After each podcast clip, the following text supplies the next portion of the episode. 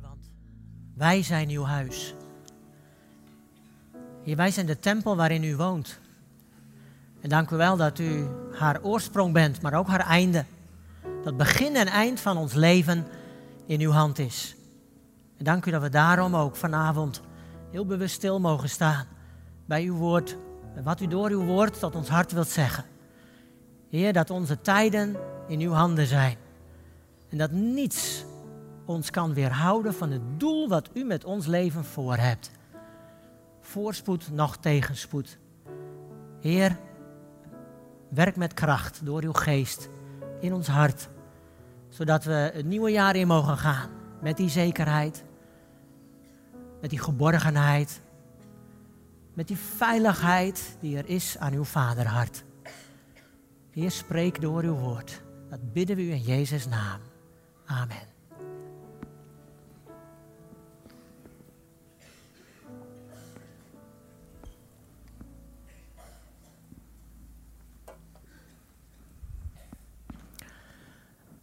Op de grens van weer een nieuw jaar.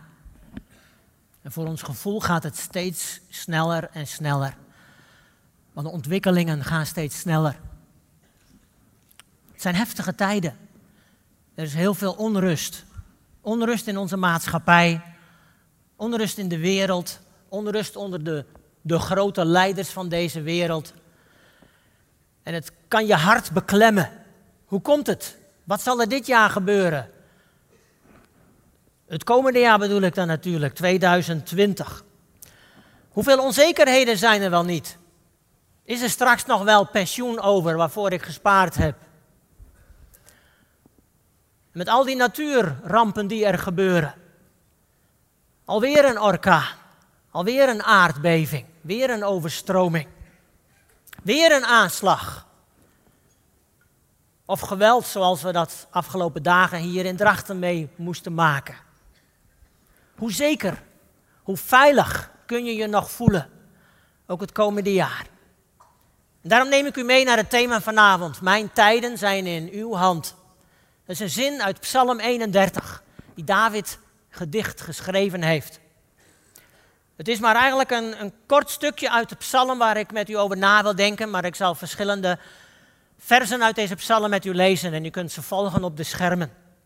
Psalm 31, vers 15 en het begin van vers 16. En dan lees ik ze uit de herziene statenvertaling. Maar ik vertrouw op u, heren. Ik zeg, u bent mijn God. Mijn tijden zijn in uw hand. Dat is wat David schrijft. Daar is hij van overtuigd. En in deze psalm is er heel veel onveiligheid waar hij over schrijft in zijn leven. We weten niet welke situatie het was. Misschien juist daarom dat we onszelf daar ook zo gemakkelijk in kunnen herkennen. Het eerste wat hieruit spreekt, uit dit kleine stukje uit die psalm, is dat God elke dag aan ons geeft om te leven. Om te genieten van het leven dat Hij is en dat Hij geeft. In elk aspect. Het jaar 2020 krijgt 366 dagen, zelfs een dagje extra. Hoe zullen ze verlopen? Nou, net zoals 2019 heel wisselend. Er zullen mooie dagen zijn, er zullen moeilijke dagen zijn. En voor de een misschien wat meer mooie dagen, voor de ander misschien wat meer moeilijke dagen. Het meeste bepalen wij zelf niet. Maar elke dag is een geschenk van God. Mijn tijden zijn in uw hand. En dat wil ik u meegeven het nieuwe jaar in. Elke dag wil God kracht geven om die dag te kunnen leven. Eigenlijk zonder je nog zorgen te hoeven maken over de dagen die daarna komen. Kracht daar spreekt deze psalm ook over, vers 24. Daar zegt David, wees sterk en hij zal uw hart sterk maken. Dat hebben we nodig. Elke dag. Moed. Durf om stap na stap de dag in te gaan. Hulp in elke situatie die we tegen gaan komen. En die God belooft dat Hij die zal geven. Hij zal er voor ons zijn. Misschien juist op die momenten dat je Hem niet ervaart, maar dat Hij er is om je vast te houden, om je te dragen. God bewaart ons vaak voor gevaren. En het gekke is, je hebt het niet eens altijd door. Soms achteraf dan denk je, jongen, dat was kantje boord. En dan moet je constateren dat er soms engelen op je weg zijn. Die je behoeden voor gevaren. Niet altijd. En we begrijpen God niet vaak, vaak niet waarom dingen gebeuren. Waarom ongelukken gebeuren. Het is ruim een jaar geleden dat Joke, mijn vrouw, een ongeluk kreeg met de auto. Ze was halverwege de rotonde, bijna thuis in Dokkum. En toen is ze waarschijnlijk aangereden door iemand, aangetikt en haar auto sloeg op de kop. En voordat ze besefte wat er was, hing zij ondersteboven in de riem in de auto. En heeft ze een kwartier gewacht, gehangen, voordat de brandweer haar kon bevrijden uit die benarde positie. Al snel, toen ze daar hing, kwam er iemand die parkeerde zijn auto bij haar. En die ging bij haar zitten. Die kon haar ook niet eruit halen, maar die ging tegen haar praten. En die heeft haar er doorheen gepraat, zodat Joke rustig kon blijven. Natuurlijk ging ze zelf bidden. Maar die man die hielp haar er doorheen, dat hele kwartier lang. En eigenlijk zei Joke, die man, we hebben later nog even met hem gebeld een paar keer. Zo dankbaar waren we dat hij dat gedaan heeft. Die man was eigenlijk als een engel. Een engel die God stuurde op haar pad. Nee, God had haar niet behoed voor dat ongeluk. En de auto was totaal los. Maar Joke was totaal heel. Ze had maar één schrammetje in haar hand. Waarschijnlijk van rondvliegend glas. Verder had ze helemaal niets. Ja, een paar uur een hoge bloeddruk, maar dat was heel snel weer naar beneden. Een wonder van bescherming. En de garage zei later ook, ze kijkt, die auto, die is twee dagen geleden binnengebracht. Die chauffeur heeft het niet overleefd. En dat uw vrouw niets heeft, hij zei, dat is bijzonder. God bewaart ons vaak voor gevaren, al gebeuren er ongelukken. In andere psalm, psalm 56, daar schrijft David het volgende. U hebt mijn leven aan de dood ontrukt, mijn voet voor struikelen behoed. Nu kan ik wandelen onder Gods hoede in het licht van het leven. Dat hebben we nodig, elke dag. Wandelen onder Gods hoede. Wandelen is het gewone leven leven. Met alles erop en eraan wat er op je afkomt. Je werk, je contact binnen je gezin, je familie, met de buren, je vrije tijd, de gemeente, alles. In alles hebben we Gods hoede nodig. Weet u, er zijn veel mensen die een dagboek bijhouden. Bijhouden wat er elke dag gebeurt. zeker als je in speciale omstandigheden bent, op vakantie. Of vaak doen tieners dat ook, dat je je gevoelens op papier schrijft. Het aan iemand toevertrouwt aan wie je schrijft, ook al bestaat die persoon niet. Wist u dat God een dagboek bijhoudt? Hij houdt een dagboek bij van ieder van ons. Dat staat in Psalm 139. Lees maar mee. Dan schrijft David: U hebt mijn leven aan de dood ontrukt. Mijn voet. Nee, dat is Psalm 56. Psalm 139, vers 16. Alles werd in uw boekrol opgetekend. Aan de dagen van mijn bestaan ontbrak er niet één. In dat boek van God, die boekrol. Ziet u dat? Aan mijn dagen ontbrak er niet één. God heeft al uw mijn dagen al in die boekrol opgeschreven. Want hij staat boven de tijd. Hij overziet mijn leven al van begin tot eind. Van mijn geboorte en zelfs daarvoor al. Tot mijn laatste ademtocht hier. Voor God ligt het als een open boek voor hem. Hij houdt het allemaal bij. Hij weet precies wat er gaat gebeuren in 2020 in het leven van ons allemaal, van elk mens hier op aarde, van al die ruim 7 miljard mensen. Onvoorstelbaar.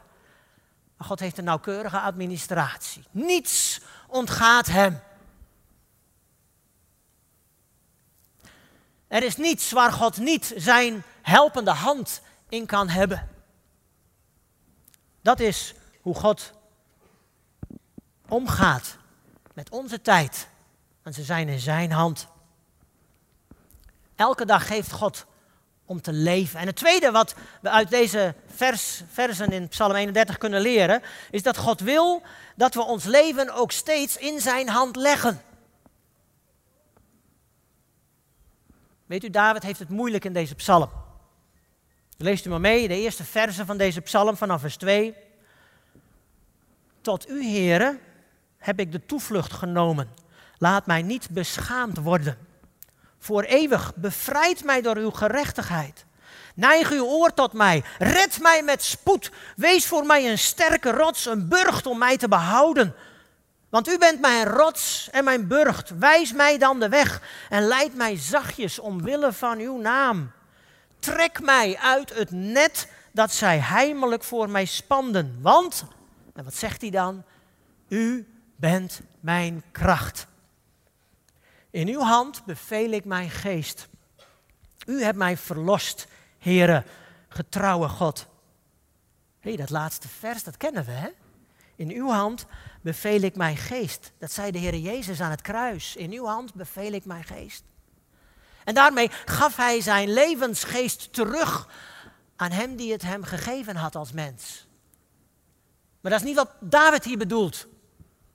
David zegt eigenlijk, wat een andere vertaling zegt, in uw hand leg ik mijn leven. Elke dag leg ik mijn leven weer in uw hand. Want ik kan mijn leven niet besturen, maar u wel. Eigenlijk zegt hij hiermee dat hij vertrouwt op God. Dat zien we bij heel veel mensen in de Bijbel, mannen en vrouwen die daarvan getuigen. Waar we zelf van mogen leren. Paulus bijvoorbeeld, Romeinen 14. Daar schrijft Paulus, zolang wij leven, leven wij voor de Heer. En wanneer we sterven, sterven wij voor de Heer. Nou, dat eerste, dat vinden wij prima. Leven voor de Heer, dat vinden we moeilijk genoeg. En toch, elke dag geeft God ons mogelijkheden om voor Hem te leven. Om Hem de eer te geven. Maar zelfs, zegt Paulus, zelfs als we sterven, dan sterven we voor de Heer. Ook Zelfs onze dood is bedoeld om God de eer in te geven. Want we hebben ervan gezongen, dan komen we thuis. Natuurlijk als de Heer ons haalt, maar ook als 2020 zou betekenen dat ik dit leven hier zou moeten verlaten op aarde. Ook dan kom ik thuis. En dan mag ik in mijn sterven ook God verheerlijken. En dan kan Hij alleen maar die genade voor geven natuurlijk. Ik zei dat David in deze psalm, psalm 31, zegt dat hij op de Heer vertrouwt. Wat is dat eigenlijk? Vertrouwen op de Heer. Het zegt zo gemakkelijk, nou misschien is dat wel moeilijk genoeg, maar het echt doen, wat is dat nou? Vertrouwen op de Heer. Dat betekent dat je elke dag in handen van de Heer legt. Dat betekent dat je elke situatie waar je tegenkomt, dat je denkt in je hart, Heer, u moet het doen. Heer, ik vertrouw u, ik leg het in uw hand. En wat er ook gebeurt, u houdt mij vast. Wat er ook gebeurt. En vertrouwen is gemakkelijk als het goed gaat, als het je voor de wind gaat. En vertrouwen is moeilijk als het tegen zit. Maar juist dan komt het erop aan. Juist dan blijkt vertrouwen echt vertrouwen te zijn. Zeg, Heer, ik snap er niks van. Ik weet niet hoe u mij wilt leiden. Maar ik geloof dat uw leven, dat mijn leven in uw hand is. Dat mijn tijden in uw hand zijn. En Heer, ik geloof dat u mij vasthoudt. Ik wil u de eer blijven geven die u toekomt. Hoe moeilijk het soms ook is. Dat is op de Heer blijven vertrouwen. Dat is ervan uitgaan dat alles wat er gebeurt al bij Hem bekend is, maar dat Hij ook zijn bedoeling daarmee heeft. Ik zeg niet dat Hij het doet, maar zijn bedoeling daarmee heeft. Dat Hij me daar iets mee wil leren, of dat Hij de situatie wil gebruiken om juist dan van Hem te getuigen op Hem te vertrouwen, Hem de eer te geven, te laten zien aan de mensen om je heen. Ik heb een God en dat is mijn Vader. En die bepaalt alles wel. Die leidt mij wel, die helpt mij er doorheen. En het begint al s morgens vroeg bij het opstaan. Voordat je je been buiten bed zet. Weet je welk been je altijd het eerst buiten bed zet? Je linker of je rechter? We hebben allemaal onze vaste been hoor, dat je je opstaat. Ik zou zeggen, voordat je dat been buiten bed zet, s morgens, dat je eerst al zegt, Heer, ik geef, geef deze dag in uw hand. Ik draag de dag op en ik wil u groot maken deze dag. Dat is een klein gebedje, maar het verandert je dag direct. Veel beter dan als je je been buiten bed zet en dan denkt van, oh nee, wat voor dag wordt dit weer? Dan is de dag al voor de helft bedorven, zou ik zeggen.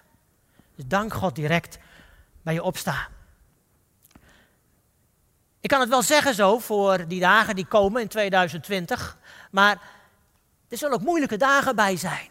Best dagen waarvan je dan denkt bij het opstaan, oh, hoe moet het komen? Heer, ik kan het helemaal niet. Ik vind het hartstikke moeilijk. Er zal strijd zijn. Er zullen dagen hebben dat we extra moed nodig hebben. Er zullen dagen zijn dat we heel veel pijn hebben in ons lichaam of in onze ziel. Misschien wel weken of maanden lang of het hele jaar lang. En ook dan zegt God, mijn tijden, Heer, zijn in uw hand. De Heer zegt, ik heb jou in mijn hand, ook in jouw pijn, ook in jouw strijd, ook in jouw moeite. Vandaar dat David hiermee ons wil leren om elke dag in zijn hand te leggen, ook in 2020. En natuurlijk weten we het allemaal wel, maar het gaat erom om het te doen elke dag. En ook het derde wat we leren uit deze, deze versen van David in Psalm 31, is dat God ons door de moeilijkste dagen heen gaat helpen. God gaat ons door de moeilijkste dagen heen helpen. Dat mogen we nu al zeker weten. Daar mogen we op vertrouwen. Soms is het leven zo moeilijk dat je zegt, Heer, het hoeft voor mij niet meer.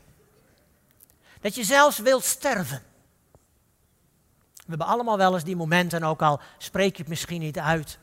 Maar er zijn genoeg mensen die dat ook daadwerkelijk zouden willen, uit dit leven stappen. Oh, er staan er voldoende van in de Bijbel hoor. Een paar voorbeelden. Uh, Jona. Jona zit daar onder die verdorde boom. Daar op die berg bij Nineveh, die heuvel. En dan zegt, staat er, hij bad om te mogen sterven. Ik ben liever dood dan dat ik zo verder moet leven, zegt Jona. Nou, nou, Jona. Hij had het blijkbaar heel moeilijk. Jeremia, een profeet die heel dicht bij God leefde. En er staat, Jeremia vervloekte de dag van zijn geboorte. Of wat dacht u van Job? Als hij zo in die diepe gesprekken met zijn vrienden zit en hij heeft helemaal niets meer, dan zegt Job, Job 10, mijn ziel heeft een afschuw van het leven. Maar gelukkig twee hoofdstukken verder, in hoofdstuk 12, leest u me mee, daar staat, in Gods hand is de ziel van al wat leeft en de geest van iedere sterveling. In Gods hand is de ziel van al wat leeft. Ook mijn ziel, ook uw ziel. Ook de ziel van Roan. Jongen die net neergestoken werd in Drachten en gisteren overleed. Wat ons allemaal raakt. En wellicht dat sommigen van jullie hem wel kennen. David is ook in doodsgevaar in deze psalm. Nog een paar versen. Psalm 31 vanaf vers 10. Wees mij genadig, heren, want angst benauwt mij. Verzwakt van verdriet is mijn oog, mijn ziel, mijn buik, de buik als zetel van alle emoties. Want mijn leven teert weg door verdriet en mijn jaren door zuchten. Mijn kracht is vervallen door mijn ongerechtigheid en mijn beenderen zijn verzwakt. Vanwege al mijn tegenstanders ben ik tot een smaad geworden, voor mijn buren het meest en tot een bron van angst voor mijn bekenden. Wie mij op straat zien, ontvluchten mij. Vergeten ben ik, als een dode, verdwenen uit het hart. Ik ben geworden als een gebroken kruik. Want ik hoor de laster van velen, angst van rondom, omdat zij tegen mij samenspannen. Ze bedenken plannen om mij het leven te benemen. Hij heeft het moeilijk. En direct hierachteraan komen die twee bekende versen waar ik mee begonnen ben, vers 15 en vers 16. Maar ik vertrouw op u, heren. Ik zeg, u bent mijn God. Mijn tijden zijn in uw hand. Ik weet niet of u de kersttoespraak van onze koning gehoord heeft, gezien heeft. Het was een hele andere dan anders. Qua opzet, maar ook qua inhoud. En eigenlijk was die toespraak heel realistisch. Waarin de koning ons allen opriep om, om je niet te veel voor te stellen over alle goede dingen die misschien helemaal nooit zullen komen, maar om heel realistisch in het leven te staan. En één zin trof mij.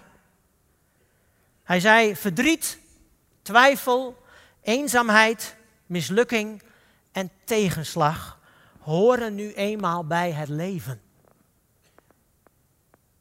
Denk wat realistisch. En het is goed om ons te beseffen dat dat ook in 2020 zo zal zijn. Het is goed om dat eerlijk toe te geven, dat er van die dagen, weken, soms maanden bij zijn die inderdaad zo zijn. Maar dat wil niet zeggen dat we niet in handen van de Heer zijn, dat onze tijden niet in Zijn hand zijn. Daarom mogen we elkaar bemoedigen en aansporen met twee versen die nog weer verderop in deze psalm staan, vers 22 en 23.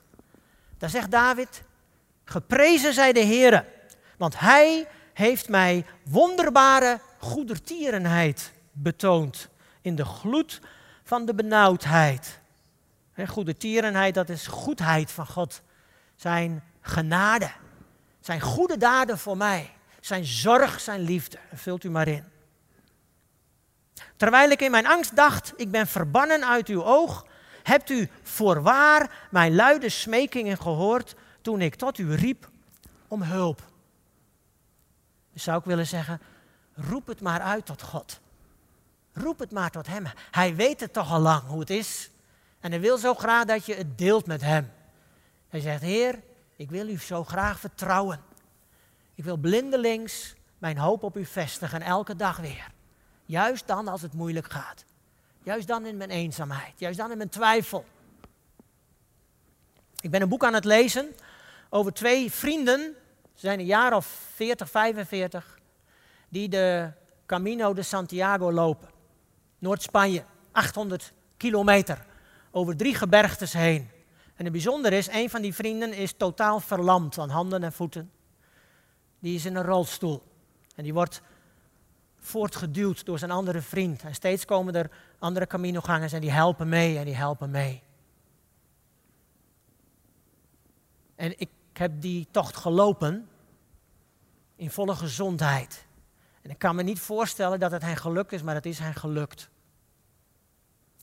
En het is eigenlijk nog veel meer een strijd, een strijd dan tegen de zwaartekracht, is het een strijd in hun harten, wat er gebeurt. En daar schrijven ze over in het boek.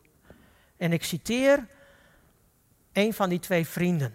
En die zegt, ik geloof niet dat God onze levens bezaait met obstakels. Maar hij haalt ze zeker ook niet zomaar weg. En hij behoedt ons niet voor het maken van verkeerde beslissingen. Hij laat ons de weg lopen die we kiezen. En hij laat ons de worstelingen van het leven ontmoeten. In de hoop dat we door iedere ervaring wijzer worden en groeien. En dat wens ik jullie allen van harte toe. Vanuit de zekerheid, mijn tijden zijn in uw hand. Ik wil dit terugbidden tot God. Deze versen in die psalm, zoals David het bidt tot God. En ik ga twee versen met u zingen. En ik wil u vragen om, om je hart open te stellen voor God, om eventueel je ogen te sluiten. Je kunt de tekst volgen op de panelen, maar je kunt ook je ogen sluiten en je hart richten op God. Om dit zo terug te brengen in aanbidding tot Hem. Het is vers 15 en vers 22 uit deze psalm.